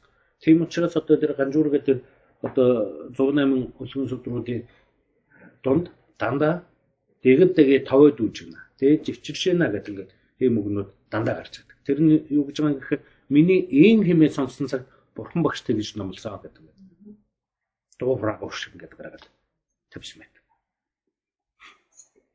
Тэр үед бурхан багш ингэж номлосон юм а гэж хэлчихэж байгаа. Номлож байдаг. Тэгээ тэрний нөгөөдүүл нь тийм ээ. Тэр бол одоо тэгж одоо альцсан юм а гэдэг тэрнийг бусад нь баталгаажуулаад оруулсан байдаг. Тэгэхээр тийм одоо сонсохын тулд анхаарлаа маш сайн хандуулад төвлөрүүлээд тэгээ тэрнийг одоо тогтоохын бодлоор өөр ертөнцийн одоо элдв зүйлийн бодлоор халдаагдalgүйгээр анхаарлаа хандуул одоо сонсдог байж байгаа. Тэгэхээр бид бол одоо нөгөө мэдээлэл нь хэтэрхий олдоод их олон зүйлүүдээр одоо тархин ажиллаад байдаг учраас яг бүрэн гүйцэтгэж гэж анхаарлаа сон бас жаахан хэцүү байх л та. Гэлээгээд чадах хэрээр анхаарлаа хандуулад сонсох нь бол хэрэгтэй юм аа гэж За тэгэхээр тэр одоо гурван самны гмиг одоо юу гэж одоо юугаар одоо ямар үгээр одоо одоо э, ангид байхын тулд одоо ямар байх хэрэгтэй вэ гэдэг одоо номлосон сайтар сонс анхааралтай бай тогтоо гэсэн энэ гурван зүйлээр одоо тэр одоо хүмүүрсэн сав болоод бохир сав цоврхой савны гми ерөндөг нь сайтар сонс анхааралтай бай тогтоо гэсэн энэ одоо гурван зүйлээр байна гэдэг.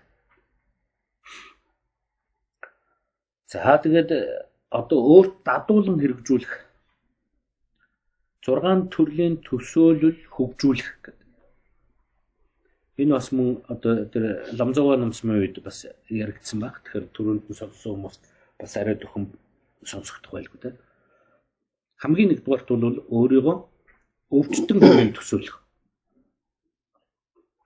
За тэрнийг одоо Шантитивагийн одоо бодитвогийн замнал гэдэг энэ номонд өгүүлэхтэй энгүн нэг шуухнаа тусахад эмчийн зөвлснөөр эдгэх байтал хүсэх шунах олон гимүүдэд хүн дээр нэрвэгдсэн яалтай байлаа хэмээн дурдчихаа. Зүгээр шуухна гэдэг нь болохоор нэг ханиад ихэлж байгаа тийм ээ. Зүгээр ханиад шуухна гэдэг нь. Зүгээр нэг жирийн ханиад одоо тусахад эмчийг одоо зөвлснөөр одоо эмчийг шүтээд эмчийн эмийг уугаад тэгээд одоо тэр ханиад нь эдгэх байтал бид хүсэх шунах олон гимүүдээр хүн дээр нэрвэгдсэний одоо ям арчимдэр л гэсэн утгатай үг байна. Хэмээн дурдчихаа гэдэг. Бид үн эртнээс имчлэхэд бэрх ужиг зовлон үүсгэж өвчин болох хүсэл шунал мэд сэтгэлийн гимтэй явж ирсэн тул цаг үргэлж өвдөж байсан гэдгээ ухаарах ёстой. Гамбава гэдэг гамава гэдэг одоо лам үнэндээ өвдөөгөж өвчтөй гэж бодвол бясалгал буруу болно. Гэтэл бид сэтгэлийн гурван хорыг архаг өвчнөд баригдаж маш их тарчилж угаа даанч ухаарахгүй гэсэн байна. Тэгэхээр энэ юу гэж байгаа юм гэхээр бид зүгээр энийг бодохдоо бол биеийн өвчин туслаа гэж ингэж бодохгүй. Зүгээр одоо сэтгэлийн гим хорын өвчнөд бол өртсөн байна. Ягаад тэгэхээр бид одоо нөгөө гурван зовлонгоор үргэлжид нэрвэгдэж байгаа тэгээд нөгөө ламзаваа номсон дээр гараад байсан тийм ээ. Тэгэхээр тэр одоо гурван зовлон гэдэг нь болохоор зовлон, зовлонд барихын зовлон, амгалан эргээ зовлон орхон зовлон амгалан одоо бидний хүсн дурлаа шунаад байдаг нөгөө амгалан гэдэг зүйл нь эргээ зовлон болохын зовлон тэдгэрүүд хорон үлдэхин зовлон гэдэг энэ гурван зовлонгоор үргэлжид нэрвэгдсэн өвчин туссан гэдэг бид урд нь үзсэн тийм ээ. Тэгэхээр тэрнтэй адилхан бидний өнөөдрийн амгалан гэдэг одоо энэ чинь одоо туйлын сайхан амгалантай зүйл шүү дээ гэдэг ингээ бодож байгаа зүйл нь үргэлжид эргээд тэр нь өөрөө зовлонгийн шалтгаан нөхцөл болж байдаг. Тэгэхээр тэр нь одоо бид нэр тэр нэг амгалангийн хойноос өөцөлтөд хойноос нь одоо яваад авах юм бол ард хязгаар үзүүрт нь одоо одоо гарч чаддаггүй юм. Тэгэхээр тэрний гардаг хязгаар үзүүр нь хаана байна нөхөө? Тэгэхээр нөгөө сэтгэлийн болон мэдл юу юу? Юмс үзэгдлийг таньж чадсан тэр ухамсараар л тэр зовлонгуудад сангижирдаг. Тэгэхээр тэрэнд одоо суралцахын тулд бид нэр одоо нөгөө гурван зовлонгоор нэрвэгдсэн одоо шунал уур тачаал гэдэг одоо эдгээр үдээс өдөөгдсөн одоо нөгөө муу үеийн түүтгэрийг хураагдсан одоо асар их одоо зүйлүүд бидэнд хураалттай байж байна. Тэгэхээр бидний өнөөдөр би зовлонтой байна, тийм байна, юм байна гэдэг энэ урдны хураацсан үеийн түүтгэрээр л бидэнд одоо зовлон бэрхшээл зүйлүүд гараад байна. Тэгэхээр энийг хураадаг зүйл нь юу вэ гэхээр бидний сэтгэл шунал уур ата одоо тэр одоо тачаал муухаг гэдэг одоо өчнөө олон зүйлүүдийн суур дадал болсон зүйлүүд зөндөө байна. Тэгэхээр эдгээрүүдийг эмнээд засахгүйгээр бид одоо энээс ангижрах арга байхгүй байхгүй байл. Тэгэхээр застаг арга нь хаана вэ нөхөр одоо номонд байх. Тийм учраас бид өөрийгөө одоо уур одоо шунал ата одоо мунхаг гэх тэргүүтэй ийм сэтгэлийн одоо одоо Нисванысын өвчнөр одоо инэлсэн ийм одоо өвчтөн байна гэдэг ингээд бодох нь бол хэрэгтэй юм. Яг тэгэхээр бид өвчин байх юм бол бид сайн эмчийг сургалдаг. Одоо нэг газар одоо нэг мөвдөдөл ангинаад л юм бол за энд нэг юм юм мөвдөдөл байна. Одоо ямар эмч нь одоо энэ тархитлах нь сайн байлаа. Ямар эмч нь одоо зүрхэн сайн байлаа. Тэр зүрхний сайн эмч нь одоо хэн бэ? Тэр одоо бундангой гэж бодсон. Тэрний одоо болцоохонгой гэж одоо их л сайн эмч гэлээ дээ тэрэнд л нэг үзүүлэх юмсан да гэсэн ийм хүсэл төрт. Тэгэхээр тэрнтэй адилхан одоо бидний одоо сэтгэлд нисванисын суурь одоо бүтсэн юм өвчин байна гэх юм бол тэрнийг эмнэх хэмжээг одоо хайх хэрэгтэй байна. Тэгэхээр тэрний одоо эмчин хэн байна вэ гэхээр багш байдаг. Ном байдаг. Тэгэхээр хоёрт бол багшийг эмч хэмээн одоо бодох. За жишээ нь хий шар мэтийн өвчин тусвал сайн эмч хайдаг. Хайсан эмчээ бол бөөм баяр хөр болж хэлснийг нь бишрэнгүй сонсож хүндэлдэг. Түүн шиг номлол заах багш хай олсон хойноо тийшээлгүй чимэг гэд тооцсон хэлснийг нь хүндэтгэн биелүүлэх хэрэгтэй. За эрдэнэт эрхэм чанарын хураангуй гэдэг судар багшилт замчлах бодисдва хайн олоод бардан момгоо баттай итгэлээр дарж аваад ужиг өвчнө отчиг шүтэн эмчлүүлэхэд л ухаарлал итгэлээр агшид ачид багшаа дээдлэн шүтээрээ хэмээсэн байна. За тэгээд бид одоо өөрөө тийм одоо өвчтөй байх юм бол нэг багшиг ирэх хэрэгтэй бол. Тэгэхээр үнэхээр одоо сайн одоо багш болох юм бол одоо их одоо хүнд өвчтөнтэй хүн аврал одоо горилсон эмчийг хайж олоод тэр эмчээ тоохгүй байх юм бол тэрний эмчилгээ нь үрдэнгүй болно. Эмчилгээ одоо им им ин чуухгүй болно. Им им нуухгүй. Тэр эмчээ одоо хүндэлж сонсохгүй байх юм бол өвчнөөс ангиж чадна гэж баггүйтэй адилхан Үнэхээр одоо тэр Нисванисын одоо суурилсан бидний одоо нөгөө зовлон дарахын шалтгаанууд бүрдүүлээд байдаг. Тэр муу сэтгэлээс ангижрахыг одоо хүсэхгүй байх юм бол тэрнээс ангижрч чаддаг. Тэгэхээр хүсэх юм бол тэрнээс арилгадаг арга замыг хайх хэрэгтэй. Арга замыг хайх юм бол багш дээр л одоо тулахаас өөр аргагүй болно. Багшийг оллоо ч гэсэн хөндлөхгүй байх юм бол тэрний одоо тус эрдэм гарахгүй юм аа.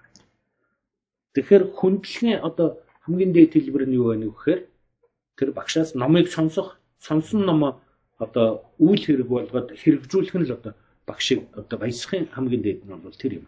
Тэгэхээр багшийг хүндэл хүндэлгээд байгаа энэ зүгээр өргөл одоо өргөөд зүгээр л ингээд багшаа гэдэг ингээд зүгээр хүндлээд байхын хэлбэр юм уу гэх юм бол тийм шиг. Тэгэхээр багшийг хамгийн дээдээр тархих нь одоо багшийг баясахын хамгийн дээдийн тархил нь үдсэн номоо судлах, судалсан тэрнийхээ үр дүн гартал нь бяцлах юм бол тэрийг л одоо багшийг хүндэлж байгааг хамгийн дээд хэлбэр юм. Тэгэхээр тэр одоо багшийг одоо эмч хэмээн төсөөлөх нь бол одоо бэрх өвчин туссан хүн одоо сайн эмчийг олоод тэр одоо сайн эмчийг олсонд сэтгэл баясаад тэрэндээ одоо эмчид одоо одоо хүндэтгэлтэй хандаад одоо хэлж байгаа үгийг одоо анхааралтай сайн сонсоод авж байгаатай адилхан тэр одоо багшийн ном номлохыг бол сэтгэл тавин одоо сонсох нь хэрэгтэй. За тэгээд дагаж мөрдөх гарын авлагыг эм хэмээн төсөөлөх. За тэгээд одоо энэ ном сонсож байгаа энийг бол сонсож байгаа энэ номыг бол одоо эм хэмээн төсөөлөх нь тустай байх. За тэгээд өвчтөн эмчийн өгсөн жорыг ихэд эрхэмлэн үздэг түүн шиг багшийн өгсөн гарын авлага сургаал маш тустай болохыг ухамсарал маш машид хичээнгүүлэн дээдлэгэн зэрэгцээ түүнийг нь мартаж орхигдуулж огтхонж болохгүй. За тэгээ бид одоо хичнээн тийм одоо хүнд өвчтэй байгаа хичнээн сайн эмчиг олсон ч гэлээ тэр эмчид одоо үзүүлэх болоод эмчээс зөвлөгөө авах тэр эмчээс одоо эмийн жор бичүүлж авах нь одоо тустай байна. Зүгээр нэг сайн эмчил олсон төдөгөр одоо гар хүрсэн төдөгөр тэгчин гэж байхгүй. Нин ялангуяа бид бол одоо тэргүүлжихгүй цагаас дадал болгосон нөгөө Нисваниси суур бүрдсэн нөгөө муу үеийн түүх хэрэгдэг зүйл чинь асар хэмжээгээр байгаа учраас тэрнийг одоо арилгахын тулд бол одоо засах хэрэгтэй болно. Тэгэхээр тэр одоо маш сайн багш шиг одоо хичнээн оллоо ч гэсэн одоо тэрүүгээр ном номлуулахгүй л байх юм бол багшийн тус ирдэм гарахгүй. Тэгэхээр тэр номлуулж байгаа тэр номоо одоо үзэж байгаа тэр номоо одоо өвчтөн эмчид үзүүлээд жор бичүүлж авдагтай адилхан тэр номыг сонсох хэрэгтэй байна.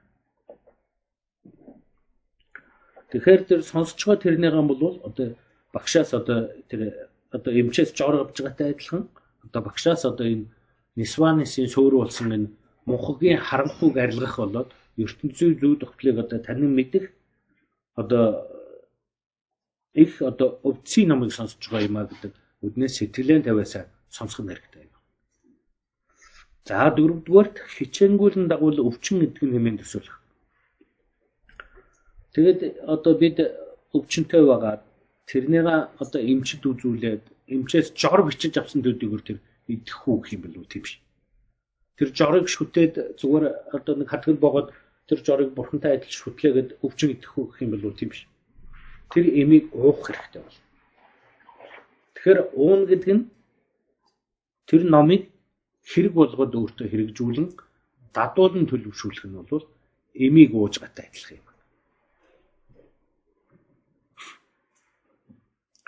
За хичээнгүйлэн дагвал өвчин эдгэн хэмээн төсөөлөх өвчтөн эмчин үгсэн эмийг уухгүй бол өвчин идэхгүй гэж хумсралан ойлгож уудаг. Үүнтэй адил багшийн зааврыг дагахгүй бол одоо хөсөл шунал мэтэн дарж чадахгүй болохыг ухаарч хичээнгүйлэн дагах нь хэрэгтэй. Дагаж мөрдөхгүй бол өвч төчнөө номлол сонсоод ч хэрэг болохгүй.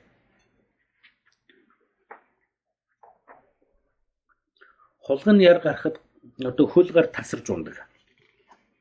Энэ нөгөө уйман дээ. Энэ үед ганц нэг тун юм уугаад ямар ч нэмэр болохгүй. Гэтэл бид тогтоох аргагүй цаг одоо цаг хугацааны эхнээс ч эхнээс л сэтгэлийн гэм буюу несванесаар үүссэн архаг өвчнөр өвдсөн учраас ганц нэгээр тоолоход гарын авлага дагаад тусаар баг зарим зам мөрийн үе шат бүхэн бүрэн гүйцэд суралцахын тулд бэлэг оюунаар тухай бүрдэн гэрхай шинжилэн судалж голын урсгал мэт тасралтгүй хичээхэн чухал юм а. Их багш Чандрагомын одоо намжлалын магтаал гэдэг сударта. Тухайлсан сэтгэлийн дэм нүгэл тунад цаана нь шүглсэн хойно тулах хугарах яртах хэмгийг тун имээр ангааж барахгүй хэмээн сургасан юм аа. Учир иймээс өөрийгөө өвчтөн гэж бодох нь маш их ач тустай. Ийм бодолтой байхад дээрх бусад төсөөлөл бий болно Харин үүнийг чихнийхээ хажуугаар өнгөрөөвөл одоо сэтгэлийн буюу нисванисаа салах учиртай сургаалын хэрэг гарахгүй сонсон болоод л өнгөрнө. Эмчид үзүүлчихэд хэлсэн нэмийг нь уухын оронд эмийнхэн жорыг уншаад байгаа өвчтөнтэй адил болох тул өвчнөө салахгүй. Энэ тухай бяцлаглалын хаан судар олон жилийн хууч өвчнөө согтхонч салаагүй хөөрхийн амьдас он удсан сэтгэлийн гэмээ салах гэж отож маранбыг зорих үлгөө. Энэнд ч энэ ч тэрч тусландаа хэмээн элдв долоо мааранбиг дуусгаад эцэст нь уулцсан отож түнд эм танганд тааруулж өгнө. Хосгүй отожтой учирсан атлаа ховорхон эмийг залсан атлаа эмчилж хэрэглэж идгээгээгүй бол эмэнд ч одтож одоо бурууны юусан билээ. Яг л үн шиг номлол сонсчоод яруу алдар утгыг нь таньчаад явах замлаа замлаад болохгүй юм бол яасан ч хорвоогийн зовлон салахгүй гэдэг. Цааш нь сайн номыг би номлолооч сайтарчид авахгүй юм бол савдаа юм өвдөлж явснаар салга өвчнөс салахгүйтэй адил гэсэн байдгаа. За мөн шаттав гэгэн бодисдвагийн замнал гэдэг номонд эмийн журам шиг сонсоод эдгэрдэг өвчин байхгүй адилаар эрхэм сургаалыг хоосон цэцлээд эрэм бицэнд өсдөг учиргаа гэх зэрэгээр үйлсэн байна. Тиймээс л өвчин эдгэн гэдэг төсөөлөл төрүүлэхийг хичээ гээд байгаа юм. Харин хичээнгүүлэн дагна гэдэг нь багшийн хэлсэн хэлсэн авч гээх бүхнийг амьдралд хэрэгжүүлнэ гэсэн үг. Хэрэгжүүлэхийн тулд мэддэг байх хэрэгтэй, мэдхийн тулд сонсох ёстой, сонсож байж ухаарах учиртай, сонсон зүйлээ хэр чадлаар хэрэгжүүлж болж сонсны хэрэг гарна. Энэ тухай сонсохын цомрологт Ерөөс сонсон мондохгүй атлаа ёс журмаас гажуу бол ёс суртгаалыг гажаасан дунад ерөөсөө сонссны хэрэг гарахгүй. Ерөөсөө сонссон алдаг оногч ёс суртаал сахиж чадвас ёс суртгаалыг өнгөсний өргөсний цаашаалаар ерийн соснууд эрдэн болно. Ерөөс сонсон сонсон ч алдаг оног ёс суртгаалж бүдэг бадаг юм юм гутамшиг тунвал янз төлөв доройтож модно. Ерөөсөө сонссон үлэмжих ёс суртаал үнэхээр дээд аль аль нь нийцэж байвал ааш төлөв сайхан болно гээд үргэлжлүүлэн сайхан зэрлэгийн утгыг тайлж санаа сэтгэлээ өгөхгүйн ухаарл өгөхгүй ухаарлаад сатаарч уумэрч хойрохын бол санад сэрсний хэрэг гарахгүй. Ачид багшийн номлол номлолд баясч аль бүхнээр сахилдагчааж адыг хязгаарлаж гэгээрлээс гэгээрлэр баясвас алив ухаарл туйлдаа хүрнэ хэмээн яруу өгүүлдэг. Энэ одоо энэ шүлэгл гараад байгаа эдгэрүүд бол одоо яг одоо бидний энэ номлож байгаа энийг тэр лам ингэж хэлсэн юм аа. Энэ лам одоо тийм номонд ингэж зүүрлсэн юм агаад зүүрлүүдийн шүлэгл хэлбэр оруулсан байна. Тийм учраас олон ламын олон зохиолуудаас одоо иш татаад энэ лам ингэж хэлсэн байна. Тэр лам тэрнийг ингэж хэлсэн байна. Ухтаа бол одоо бидний саяны яриад байгаа тэр өөрийгөө өвчтөн мэр одоо бодох багшийг одоо эмч мэтэр одоо шүтэх тэгээд тэр багшийн одоо номлосон номыг одоо эмийн жор сонсохтой адил сонсох. Тэгээд тэрнийг одоо эм хүртэхтэй адил өөртөө хэрэгжүүлэх гэдэг энэ зүйлийг л одоо лам лам одоо багш нар одоо тус тусд нь одоо юу юу гэж сургасан байна вэ гэдгийг л биш татаад хэлж байгаа. За мөн үлэм сэтгэлийн шаардлага гэдэг сударт үлэмж сэтгэлийн шаардлага.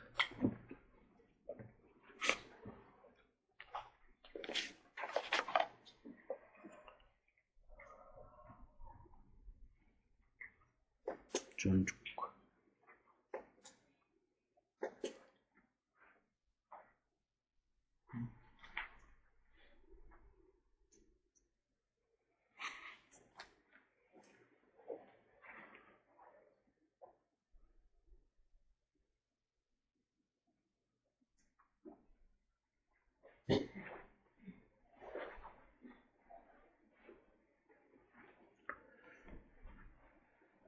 Үхлийн цагтаа тэнэгүүд тарчилж үзтэл хийгээгүй бүхэндээ гаслан үүнийгээ санаагүй насаан барсан нь үгээр хоосон номчрохсны балгалдаа. Тэгээ цааш нь амьдрал бус жүжгийг хараад аль нэг явдлыг шагшигч нэгэн шиг алмай хоосон цэцэрхээдэл бол адилхан амсан шүү тэнэгүүдийн зовлон. За мөн түнчлэн амтд жүржин гадуур хальсанд амт шимпэнд шимтэн байдаггүй юм хойно аргасан хальсыг зажилсан амтан англиун тансгийг нь мэдхийн аргагүй. Уралцад номчрохвол халь сацх мэд утгыг таниул жимсийг хүртэх мэд удтал төрсөн номчрохлон буцаа утгыг хард сэрэмжэн гिचэх зэрэгээр альсан байна. Тэгэхээр энэ урдны хэлсэн тэр дүр болвол одоо номыг сонсох нь бол хамгийн чухал юм аа гэдэг. Ном сонсноор одоо номын утгад эдгээр өгдөг юм. Ном сонсноор одоо бурхан болгон арга замурд суралцсан. Тэгэхээр тэр номыг сонсох гэдэг бол одоо их чухал юм. Сонсноос илүү санах нь тустай юм а гэдэг. Тэр ном сонсох нь бол одоо хичнээн чухал байлаа гэд одоо эмчээс жор авсан тэр төдийгөр бол өвчин идэгдгүүтэй адилхан тэр эмийг одоо тунгийн тааруулж өгсөн тэр эмийг уун хүртээд тэрнийхээ одоо гам дэглэмийн барьжээ сая өвчнөөс бүрэн гүйцээр салдаг юм. Тэгээд тэрнтэй адилхан номыг зөвхөн сонссон төдийгөр болчихгүй гэдэг юм бол тийм биш ээ. Сонсноос илүү санахын тус эрдэмжгүй. Санснаас илүү тэрнийг одоо бяцлал бүтээл болгоод өөртөө хэрэгжүүлэх нь илүү тустай чухал байдаг юм. Тийм учраас одоо энэ номыг одоо сонсох энийг өөрийгөө өвчтөн мэтэр одоо сэтгэл үүсгэх хоёр гэвэл одоо багшийг эмч мэтэр шүтэх гурав гэвэл одоо тэр номыг одоо өвчний жор мэт одоо судлах гурав дөрөвт гэвэл одоо тэр одоо номыг өөр дадуулан хэрэгжүүлснээс хэрэгжүүлснээр тэр нисванасын гимт одоо өвчнөөс амжирах энэ сэтгэлийг төрүүлэх нь бол одоо энэ номонд одоо сүсэг төрхийн номыг одоо бүтээл болгохын номыг одоо бурхан болохын арга зам мөрд өвдөж дуруулахын эрдэм нь эндэл гардаг юм шүү гэдэг.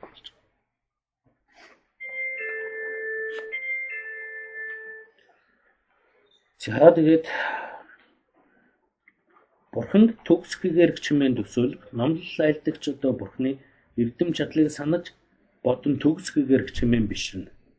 6 дугаарт одоо бурхны шашин үн удаан оршиг гэмээ одоо төсөөлөх. Энэхүү номлолыг судалж буугаас үүдэн Бурхны айлдсан номлол энэ ертөнцид үн удаан орших болтугай гэж бодно. Бас номлол номлож судлахдаа ном сэтгэл хоёр ангид байвал хаж тусна гарахгүй. Тиймээс өөрийнхөө сэтгэлдээ ижилсүүлэх үүднээс л судлах хэрэгтэй. Үлгэрэлвэл нүрээ цэвэрхэн эсхийг мэдхийн тулд толин тарж гэрээ ярилгадаг. Үүнтэй адил өөрийн зам байдлын дутагдлыг номлол судлан номын толинд харна. Улмаар миний байгаа байдлыг гэж сэтгэл зовно тэгээд дутагдлаа засаж эрхэм чанар эзэмшихийн тулд номлыг дагаж суралцах хэрэгтэй. За төрөл цулсан цадиг гэдэг сударт судаасагийн хөв бодсодва сутаа самаагаас номлол залгыг хэмээн хүсэгтээ доорх үгийг хэлдэг. Ариун номын толинд тартал алмаа муухай төрхөө үзлээ. Алмаа муухайг төрхөө танимагт ашиг гэгэрхийн хүслэн төрлөө. ингээд бодсод баг хөгөөний номлол суралцах жишг төрөснийг нь анзаарч одоо сав ном сонсох сав гүйцэн байна гэдэг нэг нь анзаарч одоо ном заасан гэдгээ. Товчхондоо гэгэрх тэмүүлэл төрүүлэхдээ доорх зүйлийг бодно. Би хамаг амтан бүхэнд туслахын төлөө гэгэрлийн төвшин төрийг тэр төвшөнд хүрэхийн тулд түүний үндсийг нь эзэмших ёстой. Эзэмшихийн тулд мэдэх хэрэгтэй. Мэдхийн тулд ном судлах шаардлагатай. Учираас номлол сонсё Сонсохын ач холбогдлыг санан урам зоригтой байж шавийн гурван алдаанаас цээрлэн номлол сонсох тун. За тэгээ энд гарч байгаа одоо зүйл нь юу вэ вэ гэд хэлэхээр одоо бурхан гэгэн бол одоо энэ 5 дугаарт нь байгаа энэ бурханыг төгс гэгээр хчмэн төсөөл. Энэ бол төсөөлөх юмгүйгээр бурхан бол одоо төгс гэгээр чадсан ухамсар юм а. Ягаад тэгэхээр бусад хамаг төрлөختөнд бурхан болох арга зам бүрийг одоо заан сургасан. Тэгэхээр одоо энэ дотор бол шинжлэх ухаан одоогор батлаагүй ч гэлээ таньж мдээгүй зүйл үзэндөө. Бурхны альцсан одоо зарлиг номлол сургаалаас одоо шинжлэх ухаанаар ер нь батлагдахгүй зүйл гэж ер нь байхгүй. Яг тэгэхээр одоо квант физикийн онлайн тэргэл юмнууд яригдаад л одоо эрдэмтэн хамтаа хүмүүс судлаад л ингээд болохоос ухтаа бол тэр бурхны шашин одоо байж л байгаа зүйл. Тэгэхээр энэ бол одоо сансрын тоор сансрын нэгдэл одоо юмсын одоо хуваагдах мөн чанарыг одоо бүр төвсгөө болтол нь одоо хуваагдах эдгээр зүйлүүдийг л тайлбарсан. Тэгэхээр одоо бурхан гэдэг нь бол төгс одоо одоогийн бидний зүгээр үлгэрлэн одоо хэлэх төвшөнд бол одоо байж болох бүх ухамсар мэдлэг чадварын дээд түвшинд хүрч чадсан ухамсар. Тэгэхээр ер нь бол бурхан одоо эрдэм бүгднгийн төгс туулаад гим болгоныг бүгднгийн одоо халж чадсан сэтгэлийн гим болгоныг эрдэм дуруулж чадсан тэр төрлөختнийг хэлбэг бурхан нар хэлж байна. Тэгэхээр бид бол бурханы альцсан зарлиг номлол сургаал эдгэрүүдийг үзэхэд бурхан юм бол аргагүй л одоо бүр одоо бурхны хөтлөг болж чадсан байна гэхээр ийм зүйлүүд гардаг учраас энд бол эргэлзэх аргагүй болдог. За тэгээ бурхны шашин өнөд удаан орших болтгоо гэж ингэж номлох нь одоо ингэж одоо хөсөмжлөх нь өрөөх нь зөвхөн бид одоо бурхны хотхыг олё гэж ингэж хөсөмжлөх нь бол амин бодсон юм. Тэгэхээр бурхны зарлиг сургаал олон уул нь бол бурхны шашин дэлхийн нийтээр түгэн дэлгэрээ түн болгон бурхны шашинтай болоод Үгүй ядхнаа одоо Монголын бүх хүмүүс одоо бурхны шинтэй байх юм бол одоо ёс зүй гэдэг юм хамгийн дээд хэлбэрээр оршиж чад. Нэг ч хүн худлаа хэлдэггүй болно, нэг ч хүн хулгай хийдэггүй болно, нэг ч хүн нэг нэг нэгэ дээрлэхдэггүй болно. Нэг ч хүн одоо хууль одоо бусаар элдвийн зэм хийдэггүй болно. Тэгээд ихлэх юм бол тэнд амар амгалан гэдэг зүйл төгс бүрдэж чадна. Тэгэхээр тэр амар амгалан гэдэг зүйлийг төгс бүрдүүлэх энэ зүйлийг номлосон энэ шашныг аль болох олон хүн үзэл судлаад аль болох олон хүн энийг ёсчлон дагаад аль болох олон хүн гэгээр л хүрч чадах юм бол хичнээн сайхан байна. Гэгээр л хүрч чаддгүй маа гэхэд үйл хэрэг болоод хэрэгжүүлээд ингээд явах юм бол нийгэм нь одоо сайн сайхан болж чадна. Тэгэхээр одоо бол одооны энэ цагийг ярих юм бол тэгээд ер нь бас жаахан хэцүү байх л та. Тэгэхээр энэ дотор энийг одоо дэлгэрүүлээд одоо хэн хүнгүй ёс зүйтэй байгаа хэн хүнгүй явдал мөрөө засаад эхлэх юм бол энэ үнэхээр сайхан байна. Тэгэхээр нийтээр биш юм ахэд энэ дотор байгаа одоо хэсэг хүмүүс нь одоо сахил аваад хотлоо хэлдэггүй болоод элдвэнзий явдал суудалгүй болоод ингээд эхлэхтэйгэн зэрэг бусдууд нь ч гэсэн оо манай тэр ч одоо өстой хотлоо хэлэхгүйргүй болсон. Өстой хотлоо хэлдэггүй хүндээ гэдэг ингээд одоо хүндлэгдэх хэмжээнд одоо байна. Тэгээд ингээд эхлэхтэйгэн зэрэг эн чинь ингээд цаашаа түгээд ирэхээр олон хүмүүс тийм болчих юм бол нийгмээрээ худлаа хэлдэггүй сайхан болчих юм бол хичнээн сайхан. Тийм учраас энэ бурхны шашин дэлгэрэх болтгоо гэж ингэж өн өдөө орших болтгоо гэж ингэж залбираад. Зүгээр миний мана гэдэг үднээс ингэж байгаа юм биш. Энэ бол олон тустай учраас олонний зөв зам урт одоо чиглэгдэх учраас нийгэм сайхан болох учраас энэ одоо олонд орших болтгоо, өнөөдөр орших болтгоо олонд дэлгэрэх болтгоо гэж ингэж ерөөл тавиад залбираад байгаа гэж хэлбэр. Тийм учраас бид л одоо бурхны шишин шүтдэг учраас бурхны шишин дэлгэрээсээ сайхан болоосоо үнүүдээ оршоосоо гэж ингэж залбирж байгаа юм биш. Хамаг амтнд тустай учраас энийг бодох хэрэгтэй гэж байна. Тэгэхээр дэлхийн нийтээр бүгдээрээ бурхны шишинтэй юм уу энийг одоо үзэж судалдаг болчих юм бол тэр дайн дажин элдв янзын юмнууд гарахгүй байх гэж боддог. Ягаад тэгэхээр энэ хамаг амтан бүгдээрээ одоо миний их болсон амьтан аль нь ч байлаагаад одоо надад ачаалтай учраас одоо ингээд тэрэггүй юм аа гэдэг. Үгүйдээ гэхэд тэр одоо сахил одоо сахиж байгаа хүмүүс бол сахилын сахих юм. Үгүйдээ гэх юм бол амтан тустай учраас яг л надтай адилхан л одоо зовлонтой төрөл.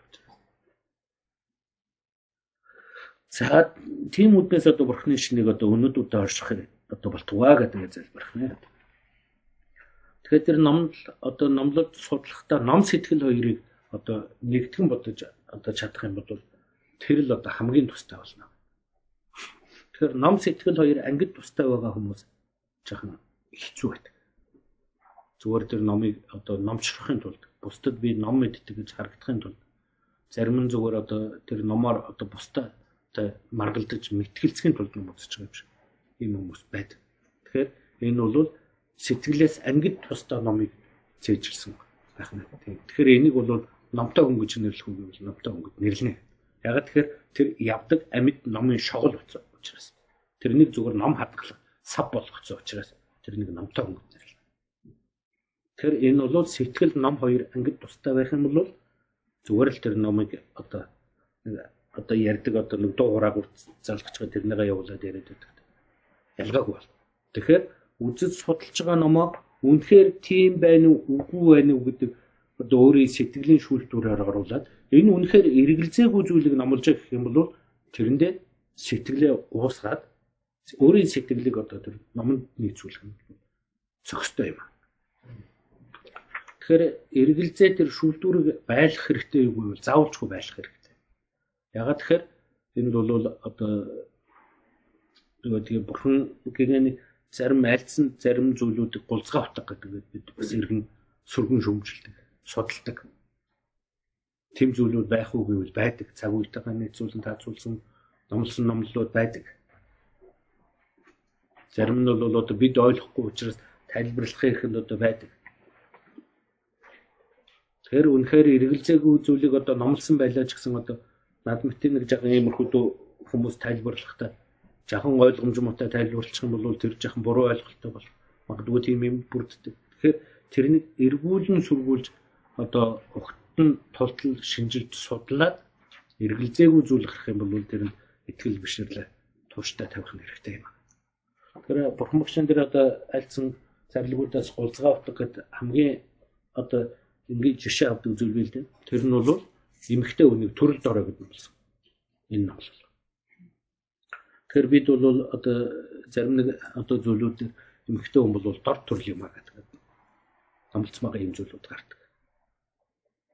Тэгэхээр энэ үнэхээр одоо бурхан багш одоо төрөл дорой гэдэг ингээд номлцсон мөх юм бол тийм номлолууд байдаг. Гэтэл одоо хамгийн огшин болсон одоо гол сургаал нь их болсон хамаг амьтан гэдэг юм байна. Их болсон хамаг амьтан буюу одоо төрлөختний манлаа их хүн юм а гэдэг юм байна. Тэгэхээр бод сэтгэлийн төрүүлгийн арга зам мөрүүдийг их хүн дээр жишээ авч байгаа тайлбарлсан байна. Одоо энэ бодмөрийн зэргийн бол нөгөө шалтгаан өрийн 7 хэсгээд үцвэл тэ ихийг бяцлагдаг. Тэр тэр ламзава намсам дээр ч гэсэн ер нь хэлсэн баг. Тэгэхээр тэдгэрүүдээс аваад үзэх юм бол төрлөختний мандаа их хүн юм а ихий ачих гэдэг бол энэ ертөнцид зүүрлэх аргагүй гэх тэргүүд нэргээ тайлбарсан байна. Тэгэхээр хамгийн дээд ачлалтай тийм төрлөختний юм бол тэрнийг яагаад төрөлд ороо гэд номлож байгаа юм бэ? Тэгэхээр энэ хоёрын утга чи хооронд харшилтаад байгаа юм шүү. Тэгэхээр бурхан багш яагаад ийм хоорондоо ийм харшилсан юм зэрлэг гаргацсан юм бэ? Ийм номлосон юм бэ? Ингээд энэ нүг бид одоо шинжлэх хэрэгтэй бол. Тэгэхээр энэ хоёр зүйлээр тайлбарлагдав. Нэгд гэвэл цаг үеийн шалтгаанаар альцсан зарлиг байна. Ягаад тэгэхээр тэр үе одоо нийгэм бол нэгдгийн тэр нийгэм бол эцгийн эрхт ёс давуу байсан учраас эмэгтэй хүнийг адил төвшний одоо чадвартай юм гэх юм бол тэр үеийн нийгэм нь үлээж гаргав Хүмүүс нь бас зарим нь сонсохооргүй байсан учраас цаг үед нь таацуул номлосон номлол гэж бас байна. Тэгэхээр энэ бол тэр үеийн цаг үед нь таацуулсан номлол. Ягаад тэгэхээр тэр нь бол одоо эмхтэй хүнийг төрөлд ороо гэд номлосон энэ нь баг одоо зүгээр нэг товчхон утгад л тэгж гаргасан болохоос биш ердөөсөө бурхан багшийн зарилгын гол утга нь хамаг эмтнийг их шиг хайрлах хамаг эмтнийг одоо их шиг одоо хүндлэх болоод хамаг тэр их болж явсан тэр хамаг эмтнийг л бурхан болгон арга замаар зөргөх сэтгэл төрүүлэх хэрэгтэй гэсэн эдгээр зүйлүүдийг номлосон учраас тэр нь гол номлол. Тэгэхээр гол номлол байна гэдэг нь бол их хүн төрлөختний манлаа гэдэг ингээд номлосон юм бол тэр нөгөөх нь бол гулцгаа бутгуу юу? Тэр цаг үедээ таацуулсан номлосон номлол байна гэж ингэж ойлгох. Зүгээр яагаад тэр эмэгтэй хүнийг төрөлдөөрөө гэдэг ингээд номлосон байна вэ гэх юм бол эмэгтэй хүний сэтгэл үргэлж зовлонтой байдаг учраас гэдэг. Яагаад тэгэхээр өнөөдрийн зүйл зовдөг, болоод өнгөрсөн зүйл зовдөг, маргаашийн зүйл зовдөг, гараагүй хүүхдэд зовдөг, гарцсан байгаа хүүхдэд хүнтэй суулгаа тэрний хүүхдэд нь зовдөг. Тэгэхээр үргэлжид өөрийн сэтгэл зовлон төрүүлээд үргэлжид тэрэндээ өөрөө зовоод явж байгаа тэр сэтгэл зовлонтой байх үгүй бол зовлонтой. Эрэгтэй хүн бол магадгүй тийм их олон зүйл бас зовхон баг та. Эмэгтэй хүмүүсийг ер нь ажиглаад байхад ер нь тэгээд манай бүр нэг жоох хүүхдээ л гэсэн манай энэ том болоод ер нь ямар юмтай суудаг бол. Тэрний хүүхэд гэж ер нь ямар юм гарах бол. Тэгэл тэрний тэр сургууль цэцэрлэг сургууль одоо их сургууль мургуулийн одоо төсөөлөө тэрэндээ зовоод л тэгэл. Тэгээ үргэлжид одоо тэр сэтгэл зовлон төрүүлээд байдаг учраас тэрүүгээр зовлонтой төрлөө гэдэг ингээд байж болно. Гэхдээ төрөл дорой юу гэх юм бол тийм биш. Бурхан болохын одоо чадамжийн хувьд бол адилхан юм аа. Хүмсрийн чадамжийн хувьд бол адилхан юм аа гэдэг нь болсон. Тэгэхээр энийг гүйлцээ авдаг. Тийм учраас бурхан багшийн зарлигт хүртэл ийм юм байгаа бол миний ярьж байгаа эдгээр үдэг шүүн тунгаагаад Үнэхээр одоо хэрэгтэй тустай зүйл байна гэх юм бол нэг анхааран авах хэрэгтэй. Энэ дотроос одоо мэдхгүй чадахгүй одоо одоо энэ бол болохгүй байна гэсэн юм байх юм бол нэг бол сургууль асуух нь хэрэгтэй. Яг тэгэхээр та ингэж ярьчлаа. Эн чинь өөр ном дээр тийм байдаг юм аа. Энэ хоёр ч хоорондоо одоо таарахгүй байна. Тэгэд ингэж ингэх юм бол энэ бол гол үндсэн санаагаа олж авахын тулд сургуулин асуух хэрэгтэй. Тэгээд хэрвээ бүр одоо би өөрийнхөө зүтгээд таних зүг байх юм бол та өөрийнхөө гадах юм. Тийм учраас энийг одоо маш сайн шинжилэн судлах хэрэгтэй. Бурхан багшаа хүртэл одоо айсан байгаа шүү дээ. Миний шашныг одоо зүгээр мухар цохроор дагах нь бол одоо мунхарлын тойл болно. Тийм учраас энэ бол одоо тэр мухар сүсэг гэдэг бол мухарлын тул болдог учраас мухар цохроор дагах нь хэрэггүй. Энийг сайтар шинжилэн үзээд анхаараа аваарай. Тэгэхээр шинжилэн үзнэ гэдэг нь болохоор өнөө маргааштай хэрэглэх алтыг ч гэсэн одоо хайлуулах, тунгаах, одоо таслах тэргүүтнэр олон янзаар шинжилж үздэг бол нэг шашныг ч гэсэн одоо үзэл судлах энэ зүйлүүдээр ажиглан шинжих хэрэгтэй. Хэрвээ үнэхээр одоо алдаа мадаггүй байх юм бол дагаж шүтээрээ хэрвээ биш байх юм бол цагаа үржсэнээс өөр тэрэгтэй өөр номлол сургаал байвал тэрний үзэл судлаарай. Тийм учраас дарахын тулд эргэлзээгүй сэтгэл төрөлхийн тулд сайн ажиглан шинжиж судлан үзэх нь хэрэгтэй юм.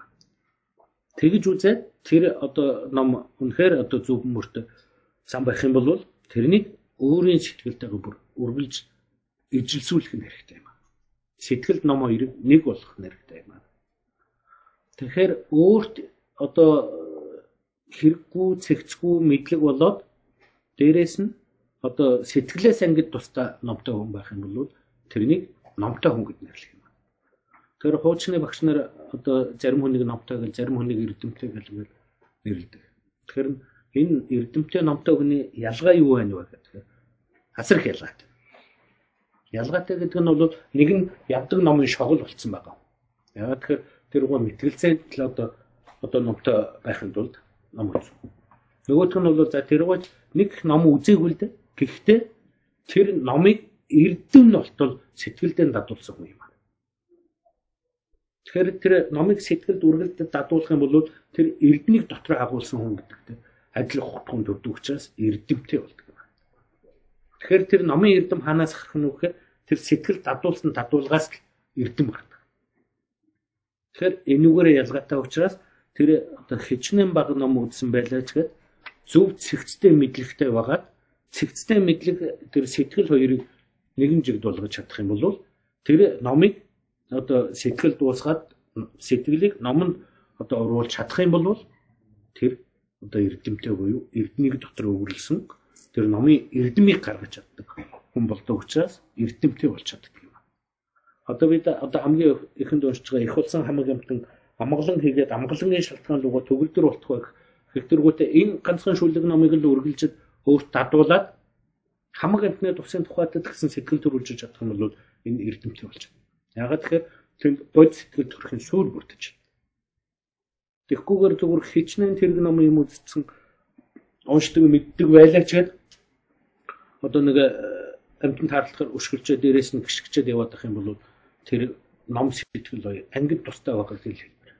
Хичнээн ном үзсэн байлаа гэд бусдыг нэг жоохон дээрлэхэд байд ингээд зүгээр л одоо юу гэдгийг би нэг ном үзсэн хүн шүү гэж харагдахын тухайд төвчгнөд байгаа бол тэр эрдэмтэй хүн болж чаддаг.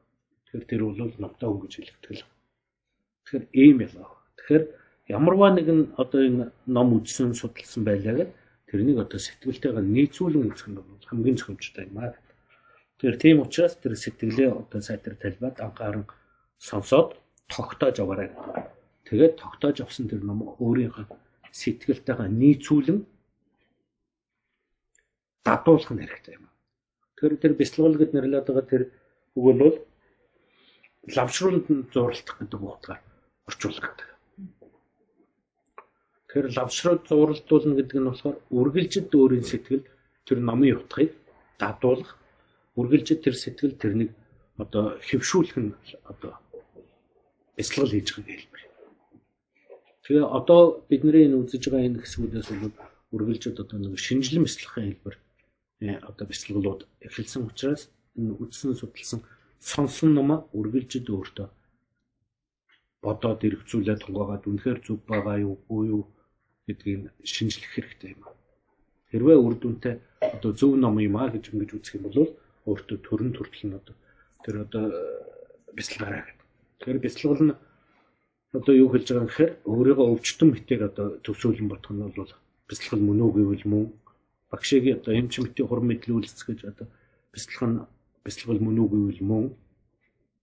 Тэгээд тэр одоо багшаас ном сонсч байгаа тэр нэг одоо өвчнөөс ангижлахын арга зам мөрийг заад сургаж байгааг эмийн жор одоо сонсч байгаагийн адилаар бяцлагж байгаа нь бяцлал мөн үү гэвэл мөн.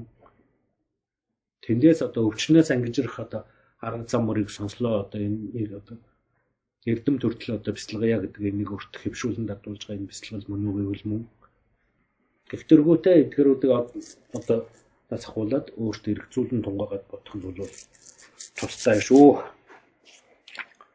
За өнөөдөртөө ингээд өндөрлөө. Тэгээд дараагийн хэсэгт бол тэр одоо номлолыг хэрхэн яаж номлох вэ гэдэг хэсгийг дараагийн удаагаар гаргая да.